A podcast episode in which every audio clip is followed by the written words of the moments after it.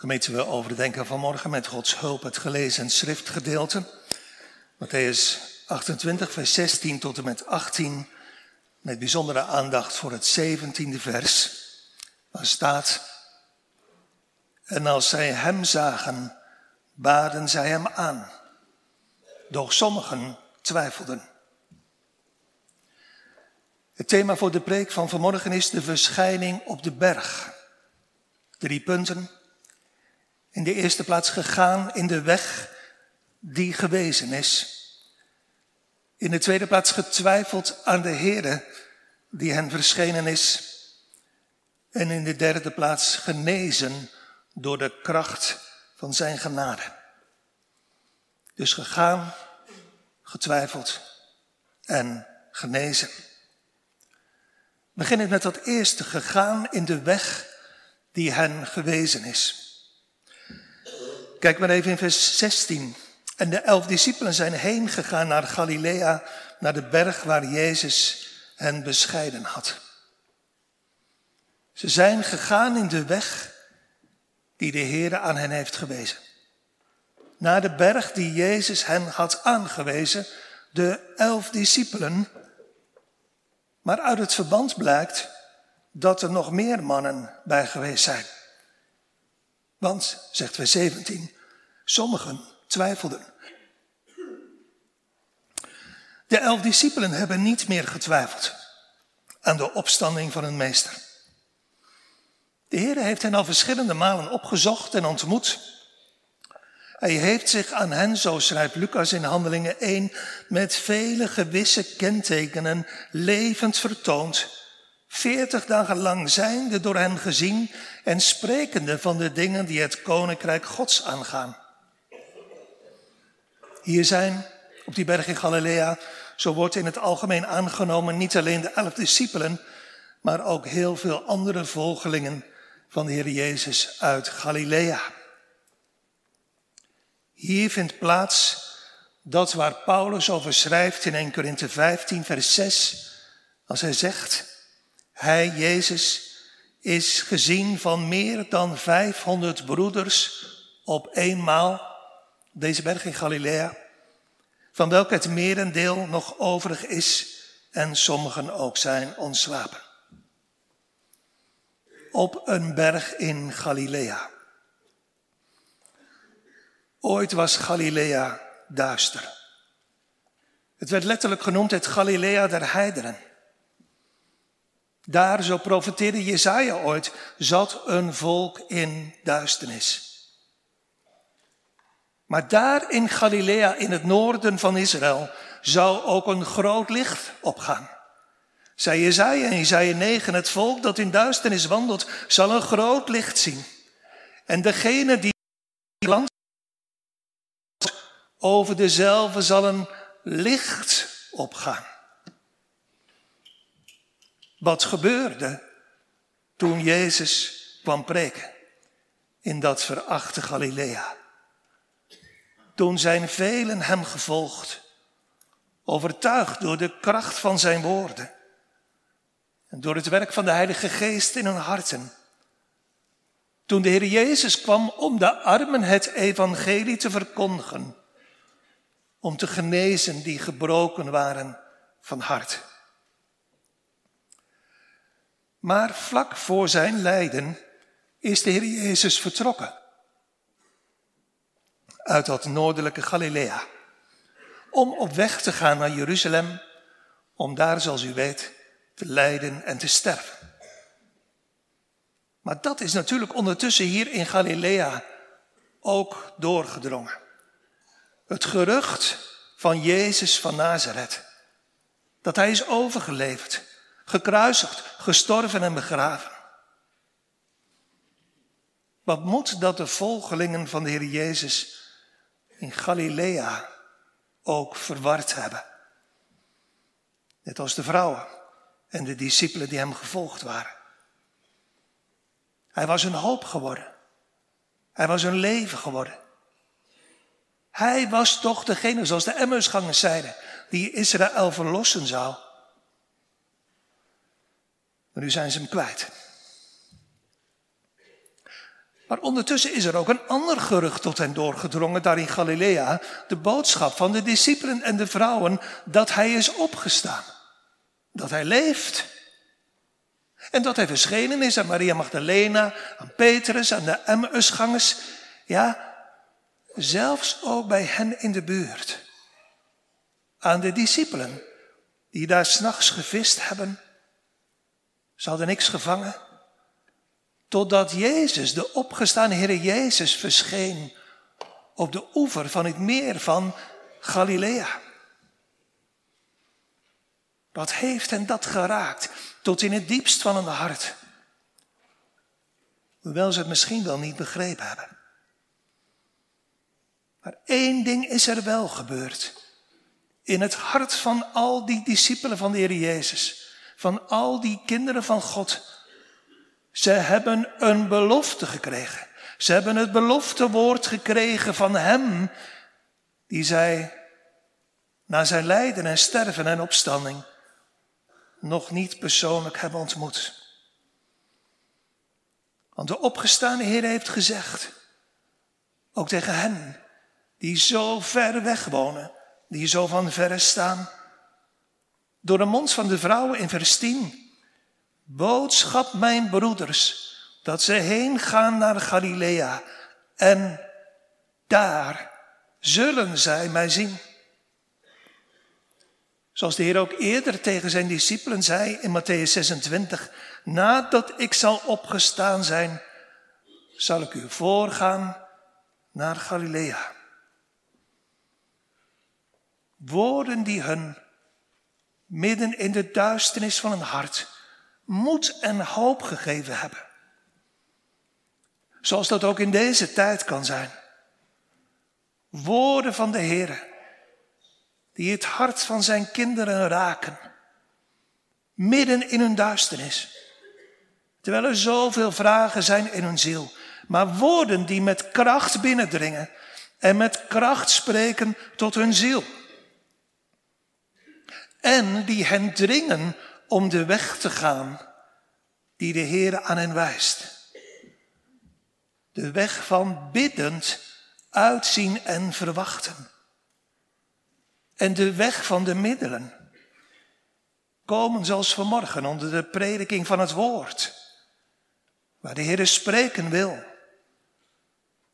Gebruikmakend van de middelen zoeken door de weg van het lezen van het woord van God door de weg van het verborgen gebed om de vervulling van Gods beloftewoord. Ze hebben die belofte van de Heer Jezus Christus niet alleen met verwondering en blijdschap gehoord, maar ze zijn, om zo te zeggen, ook werkzaam gemaakt met die belofte. Ze zijn niet gaan rusten. Ze zijn niet gaan afwachten. Maar ze zijn met verwachting gegaan naar Galilea. En in Galilea met verwachting gegaan naar de berg die Jezus hen tevoren had aangewezen. Want de plaats waar de Heer verschijnen zal, staat vast. Ook nu in deze tijd. Niet overal en nergens, maar in stilte op de berg die Jezus heeft aangewezen. Zoals ook in de stilte van deze plaats, die de Heer aangewezen heeft. Omdat Hij hier onder de prediking van zijn woord, door de dwaasheid van de prediking, van de prediking van het kruis, zoals Paulus zegt, wil verschijnen en wil spreken en hartenvragen wil oplossen. Want zo schrijft Paulus in 1 Korinthe 2, want nademaal in de wijsheid Gods de wereld God niet heeft gekend door de wijsheid, zo heeft het God behaagd. Dat is zijn goede wil. Door de dwaasheid van de prediking zalig te maken die geloven. Hier onder de prediking van het woord, waar de Heer zelf spreekt, wil de Heer, zoals Jezaja zegt, verbinden de gebrokenen van hart. Gevangenen de vrijheid uitroepen en gebondenen opening der gevangenis. Ze gaan naar die berg in Galilea. In gehoorzaamheid en wachtend op de vervulling van de belofte. Die zeker komen zal. Dat weten ze. Want de Heer zelf heeft het beloofd en God is geen God die liegen zou. Of een mens die berouw zou hebben van zijn woorden. Het is eigenlijk als je zo in gedachten die, die 500 mannen daar ziet op die berg in Galilea. Het is eigenlijk een heel divers, een heel verschillend gezelschap. De elf discipelen zijn er. De elf discipelen die het voorheen ook niet begrepen. En die voorheen ook niets wilden dat hun Heere zou lijden en sterven. Petrus zei het ronduit. Heere, dat zal u geen zins geschieden. Ze hadden in hun hart nooit begrepen dat het moest. Omdat vanwege hun zonde aan Gods gerechtigheid genoeg gedaan moest worden. Omdat zoals in de Hebreeënbrief staat er zonder bloedstorting geen vergeving kon zijn. Vanwege de heiligheid en de rechtvaardigheid van God, die ten alle dagen, zegt de Bijbel, torent over de zonde.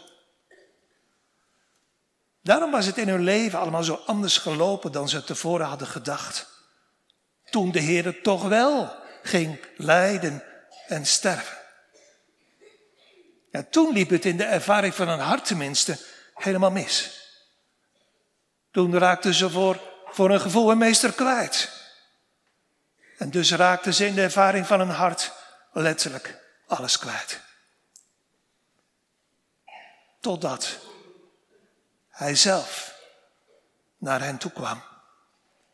Zich aan hen openbaarde, dat wil zeggen, zich aan hen onthulde en liet zien.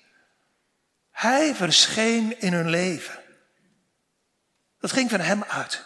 Dat deed hij. En hij opende hun verstand, hij opende hun ogen, hij opende hun hart en hij opende de schriften om hen te leren. Discipelen, dit moest echt. Hij leerde hun liefdevol en geduldig de betekenis van zijn lijden en sterven, van zijn dood aan het kruis van zijn opstanding uit de doden. Hij leerde hen de betekenis van dat wat het avondmaalsformulier zegt, dat ik voor u, daar u discipelen anders de eeuwige dood had moeten sterven. Hoewel er in die kring van die elf discipelen ook wel verschil bleef tussen die elf kinderen van God. Er was Thomas die aanvankelijk weigerde om te geloven. Want er waren ook Petrus en Johannes en Jacobus, die meer van de Heer geleerd en gezien hadden. Bijvoorbeeld, waar het kort geleden over ging, op de berg der verheerlijking. En ze mochten ook dieper mee in de hof van Gethsemane. Elf discipelen. En ook op die berg in Galilea, dus honderden andere broeders, volgelingen van de Heer Jezus gegrepen in hun hart door de woorden, door de prediking van Jezus van Nazareth, die aan armen het evangelie had verkondigd. Zijn liefdevolle en genadige woorden hadden hun hart geraakt en gegrepen. De brug, zoals ze dat vroeger zeiden, naar een oude leven was opgehaald. Ze konden en ze wilden nooit meer terug. Hij was letterlijk hun leven geworden. Maar nu, ja, hoe is het nu eigenlijk in hun hart?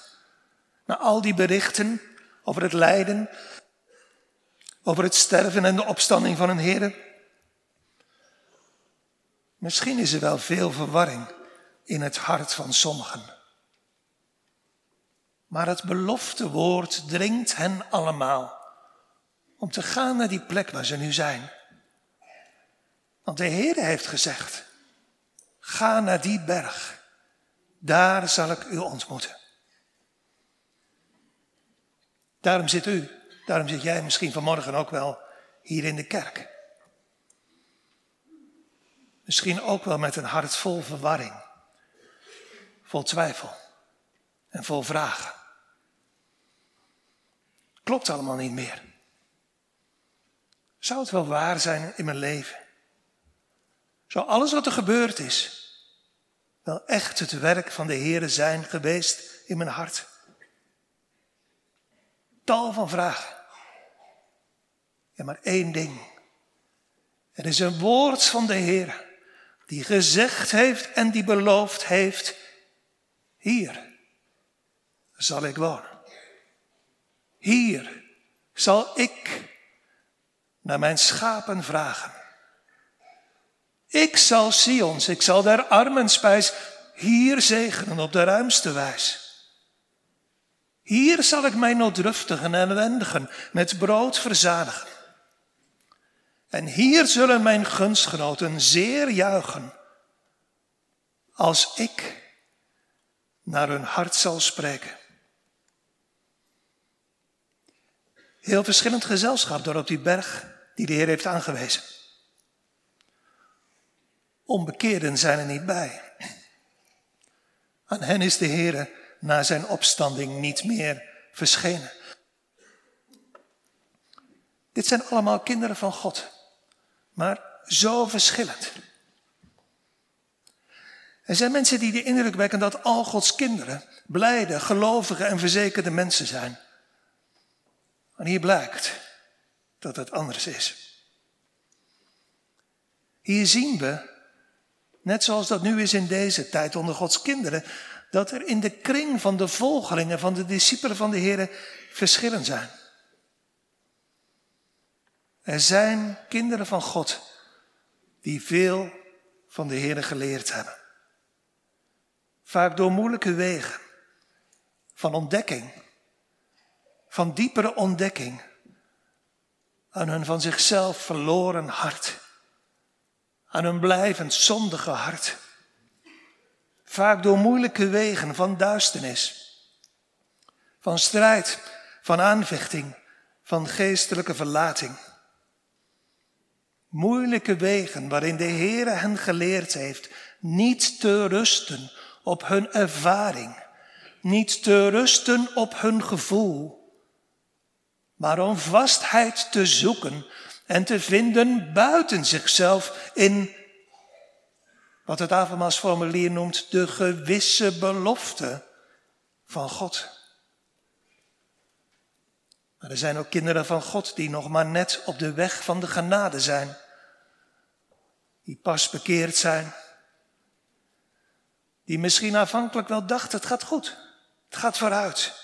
Zo in beslag genomen. Zo gegrepen door de liefdedienst van de Heer. Zo, zo levend van hun gevoel, van hun ervaring. En zo bezig, zo ijverig bezig met hun eigen goede werken. Zoals de vrouwen op de morgen van de opstanding. Met al de liefde van hun hart, met hun specerijen met hun eigen werken op weg gingen naar het graf om iets te doen voor hun meester. Zonder te zien dat alles volbracht was, ook voor hen, door hun meester. Waar ze, net als sommigen hier op de berg, en net zoals sommigen in deze tijd, nog maar zo weinig zicht op hadden en hebben. Ja, en dan kan je die, die mensen wel allerlei dingen gaan verwijten. En dan kan je wel zeggen, ja mensen, maar je moet gewoon geloven. Ja, maar dan heb je er weinig van begrepen. Want het is de Heer en de Heer alleen die zijn kinderen leert geloven. Grote groep dus. Kinderen van God, allemaal, maar heel verschillend maar wel samen op de plek waar de Heere wil dat ze zullen zijn. Heel verschillend, maar tegelijkertijd in sommige opzichten toch ook wel weer gelijk. Ze verwachten de Heere.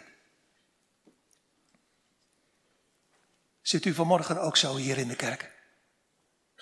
U verwacht de Heer. Ze verwachten de Heer op grond van zijn woord, op grond van zijn belofte. De een vaster en zekerder dan de andere. Maar toch. Dat is wat de kerk met zijn hoofdletter geschreven. Dat is wat al Gods kinderen met alle verschillen samenbindt. Zoals artikel 27 van onze beleidenis zegt. De kerk is een heilige vergadering van ware, echte Christ, Christus gelovigen. En dan komt het. Al hun zaligheid verwachtende in Christus Jezus. En die zo, en dat geldt ook vanmorgen, de Heere verwachten in al hun klachten en twijfel, die zullen nooit beschaamd worden. Zoals de dichter dat zegt van Psalm 9. Die uw naam kennen, zullen op u vertrouwen, omdat u, Heere, niet hebt verlaten en nooit zult verlaten degenen die u zoeken. Laten we daar samen. Ons tweede aandachtspunt getwijfeld aan de Heere die hen verschenen is. Want als ze daar zijn, meer dan 500 broeders dus, in de stilte van die eenzaamheid op de berg, dan blijkt opnieuw, de Heere houdt zijn woord. Hij verschijnt. En, zegt vers 17, als ze hem zagen, baden zij hem aan. Ineens zien ze hem in zijn verheerlijkte lichaam, in glorie en heerlijkheid. Niet meer in de verschijning van een dienstknecht, maar nu als de verhoogde koning. Een hemelse verschijning. De verhoogde Heer Jezus Christus in zijn menselijke natuur Voorheen een man van smarten, maar nu met eer en heerlijkheid gekroond.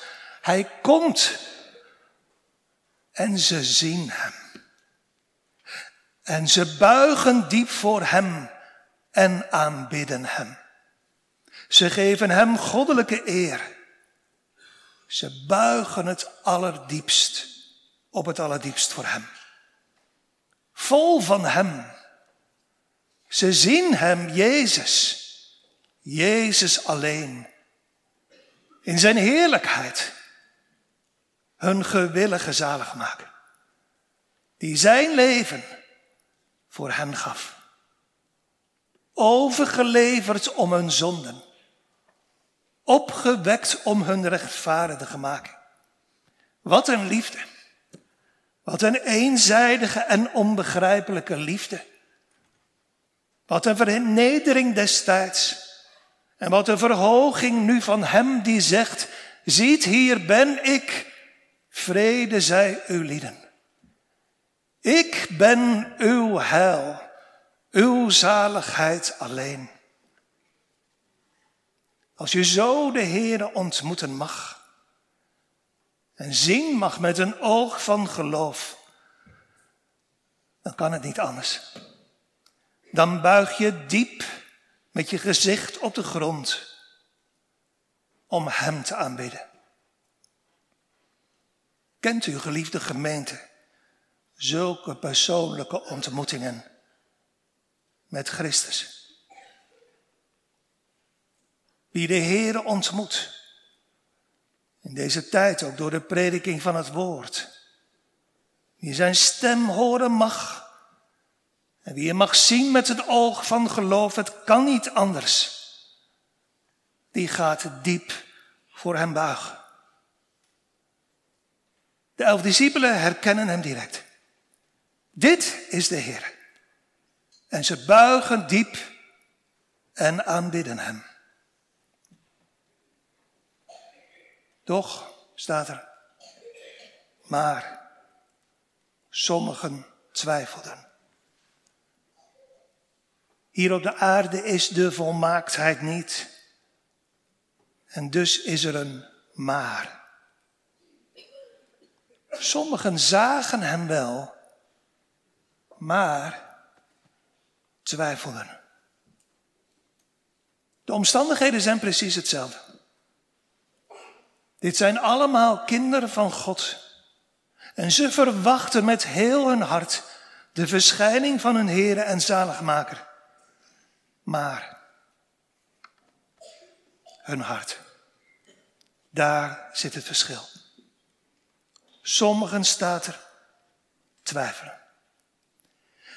Nee, niet met dat stellige nee van Thomas kort geleden, maar aarzelend, twijfelend, zoals, zegt met u Henry, een, een balans of een weegschaal die dan eens naar de ene en dan eens naar de andere kant helt. Is hij het nou echt? Maar, maar dit is toch niet de Jezus die we tot nu toe voor ogen hadden? Zou hij niet koning worden van een aards koninkrijk? Zou het geen verbeelding zijn wat we, wat we zien? Zoals je ook nu in deze tijd, als de Heer gaat werken in je hart en leven, zo, zo aarzelen, zo twijfelen kan. Zou het wel echt zijn? Is het niet iets van mezelf? Is het niet gewoon al die jaren van christelijke opvoeding? Is het niet gewoon verbeelding? Het woord van de Heer deed kracht in je ziel, korter of langer geleden. Daarom zijn deze mannen hier ook op de berg. Je kan en je wil en je durft niet ontkennen dat de woorden van de Heer je hart geraakt en gegrepen hebben. Woorden die je nooit zult vergeten. Maar was het wel echt? En zou het wel kunnen met zo'n hart als dat ik heb? Zo'n hart dat zo hard is en zo koud is. En waar nog zoveel zonde woont. Met een hart waar, waar zoveel schuld en ongeloof in huist. Kan dat wel? Kan ik wel een kind van God zijn? Ik zo grote zondaar. Zij zien Jezus ook. Zoals het zwakke geloof van sommige van Gods kinderen dat nu ook doet. Jezus zien met ogen van geloof in de prediking van het woord, in de bediening van het sacrament. Jezus zien, maar nog zo omgeven door, door aarzeling door twijfel. Is het nou wel echt dat wat ik zie? Hun gezicht is zo gehuld in nevels. Het begint net als op de dag van de opstanding te lichten, maar, maar het licht wil maar niet doorbreken in hun hart. U hebt gehoord op Goede Vrijdag van de weergaloze liefde van Christus en van al zijn gewilligheid om zondaars zalig te maken. U hebt gehoord met Pasen hoe hij de dood en de macht van de hel en de Satan overwonnen heeft. Maar hier van binnen stokt het. Het lukt u maar niet om die, om die twijfel en die aarzeling van u af te werpen. En de vraag blijft maar hangen in uw hart, knagend. Zou het wel waar zijn? Zou het wel waar zijn voor mij? Kan je daarin berusten? Kan je daar rustig mee verder leven? Ja?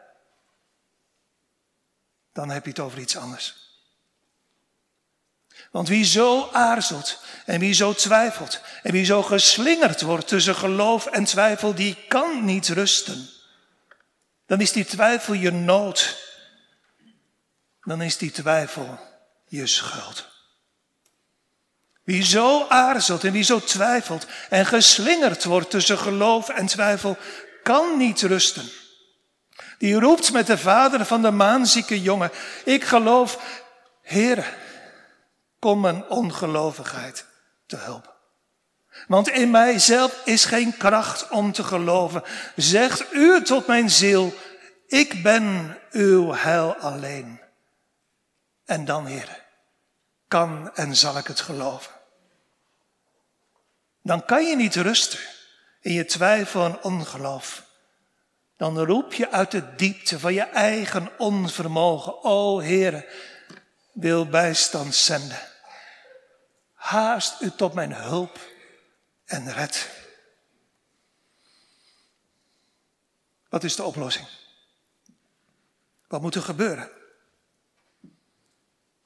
Moet je het zelf proberen op te lossen? Moet je het zelf doen? Lukt dat? Is het ooit gelukt in uw leven? Wat er gebeuren moet, dat zien we in ons derde en laatste punt.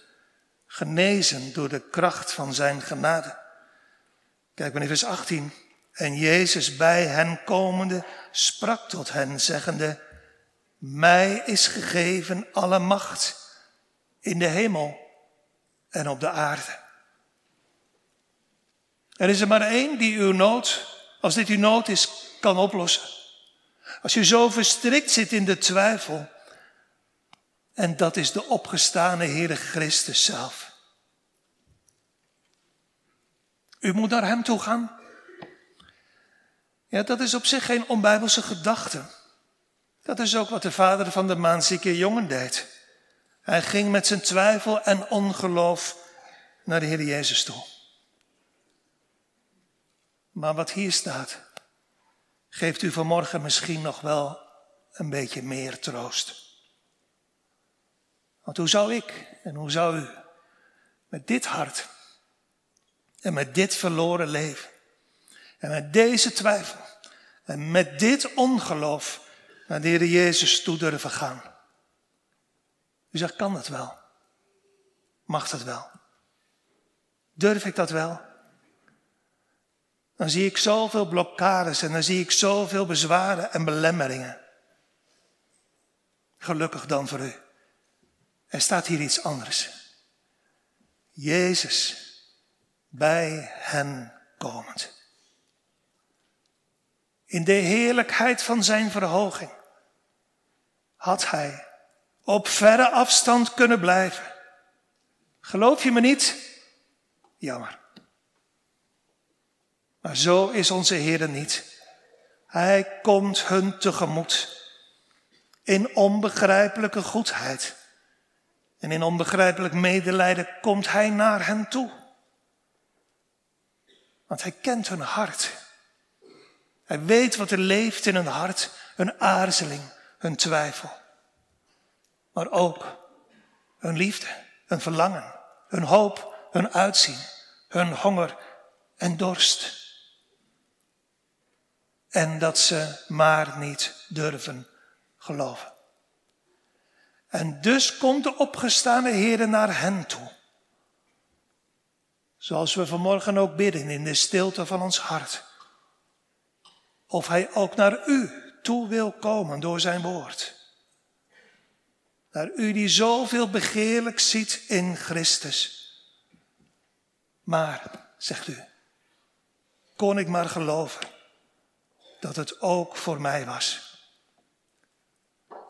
Ik zeg u, als hij komt, en hier ziet u dat hij wil en zal komen, dan brengt hij alles mee. Ik bedoel alles wat u mist.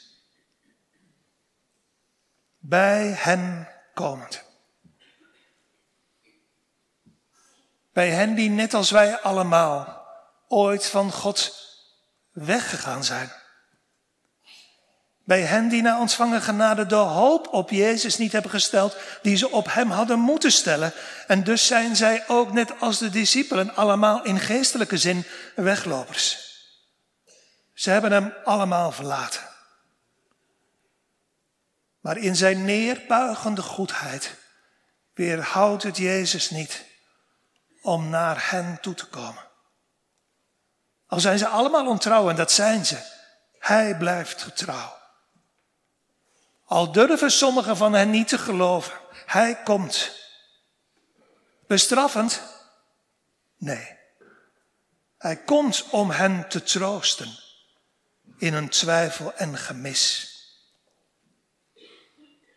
Wat wordt het een wonder als de Heer zo komt en zo terugkomt in het leven van degenen die Hem lief hebben en verwachten, maar die net als de discipelen en de vrouwen en deze die twijfelen, die Hem kwijt zijn, moedeloos, zoekend maar toch vaak op de verkeerde plaats.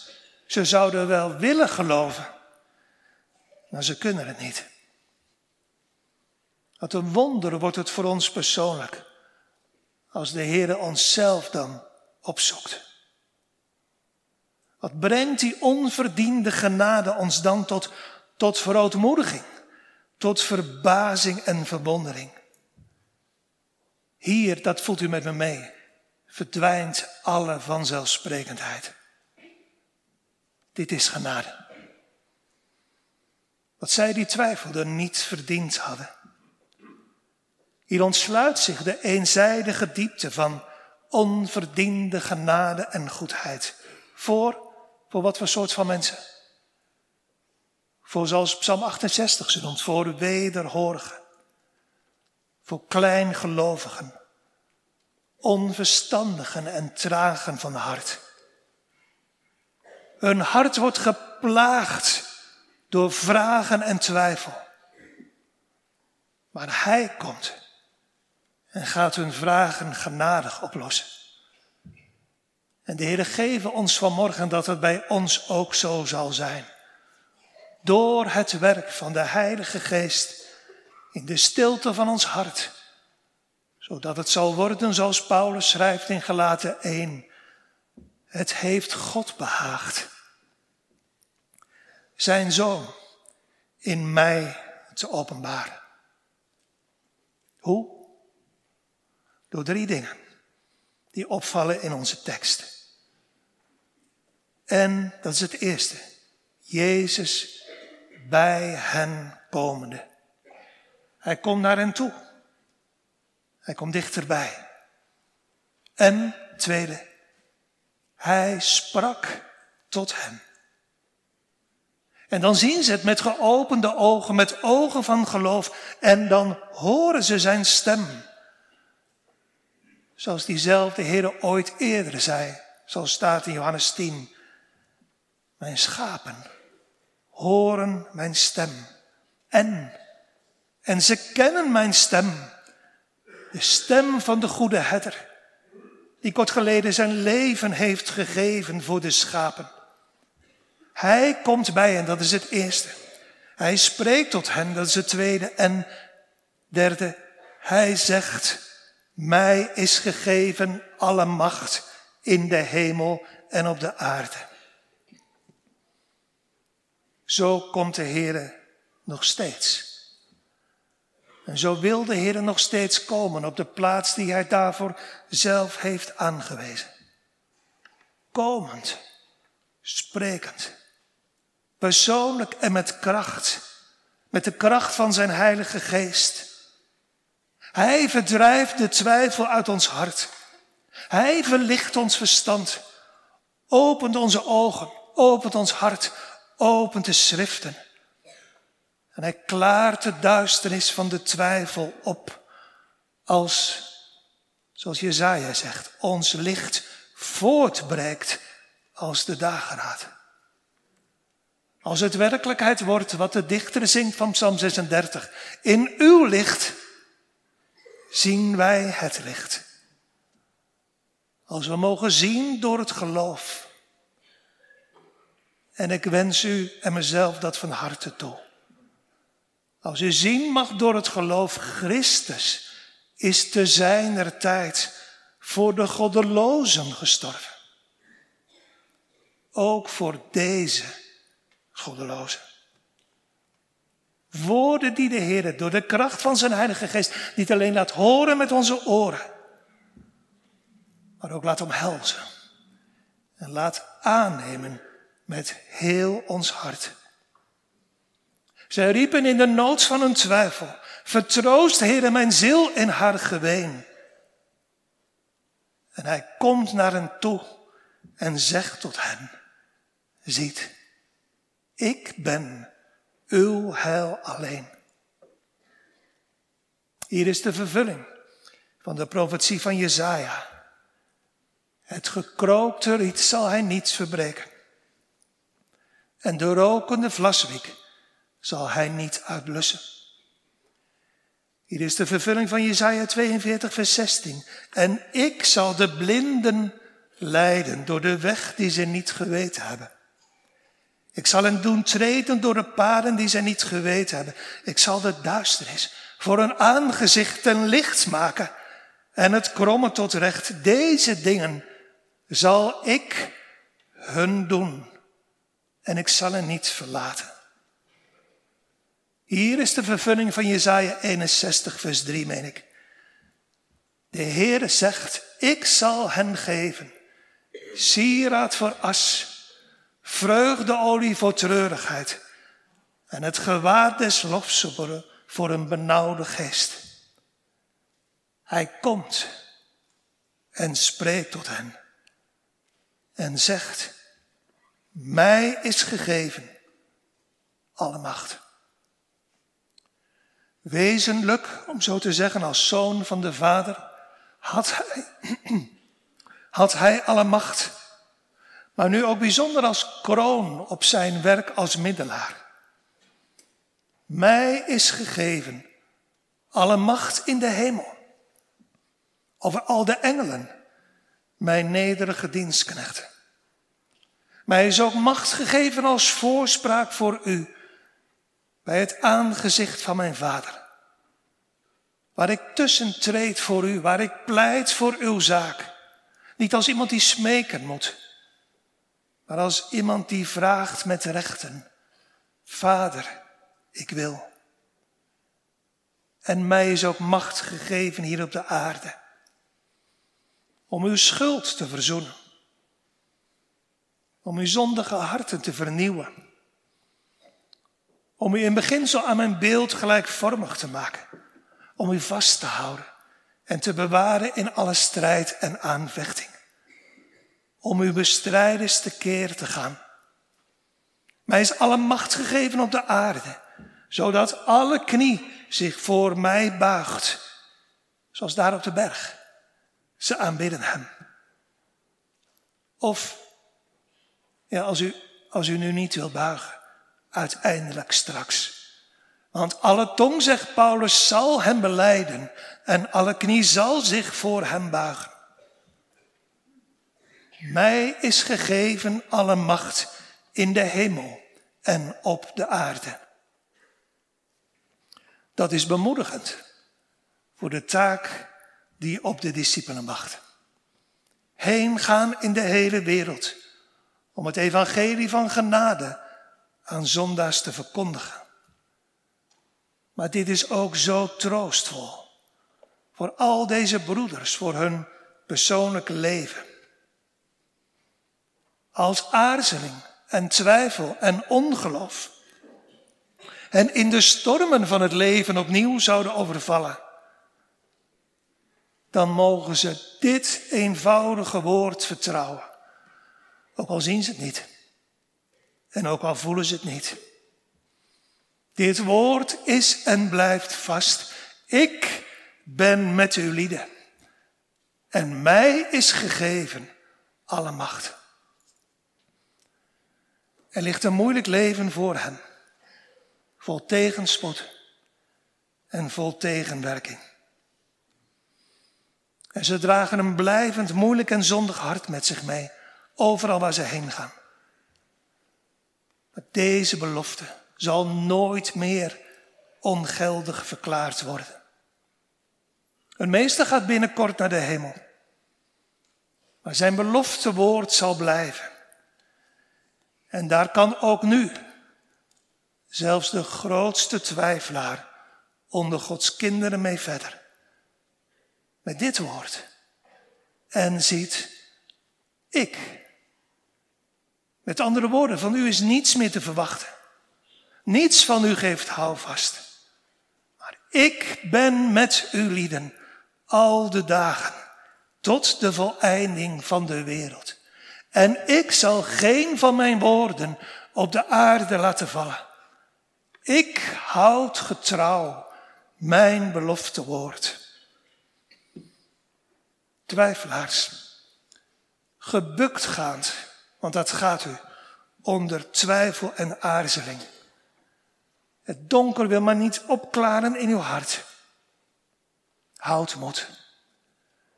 De Heere zal, net als hier in deze geschiedenis, komen op zijn tijd. Zo hij vertoeft, zegt Habakkuk, als u wachten moet. Verwacht hem dan. Zo hij vertoeft, verwacht hem, verbijt hem, want hij zal gewisselijk, hij zal zeker komen en niet achterblijven. En hij zal nooit laten varen wat zijn hand ooit in uw of jouw leven begon. Verwacht hem dan op de goede plaats, hopend, biddend, biddend, pleitend op zijn belofte woord. Zeggend in uw hart met David, doe Heer, dat wat u gesproken hebt, dat wat u beloofd hebt. Amen.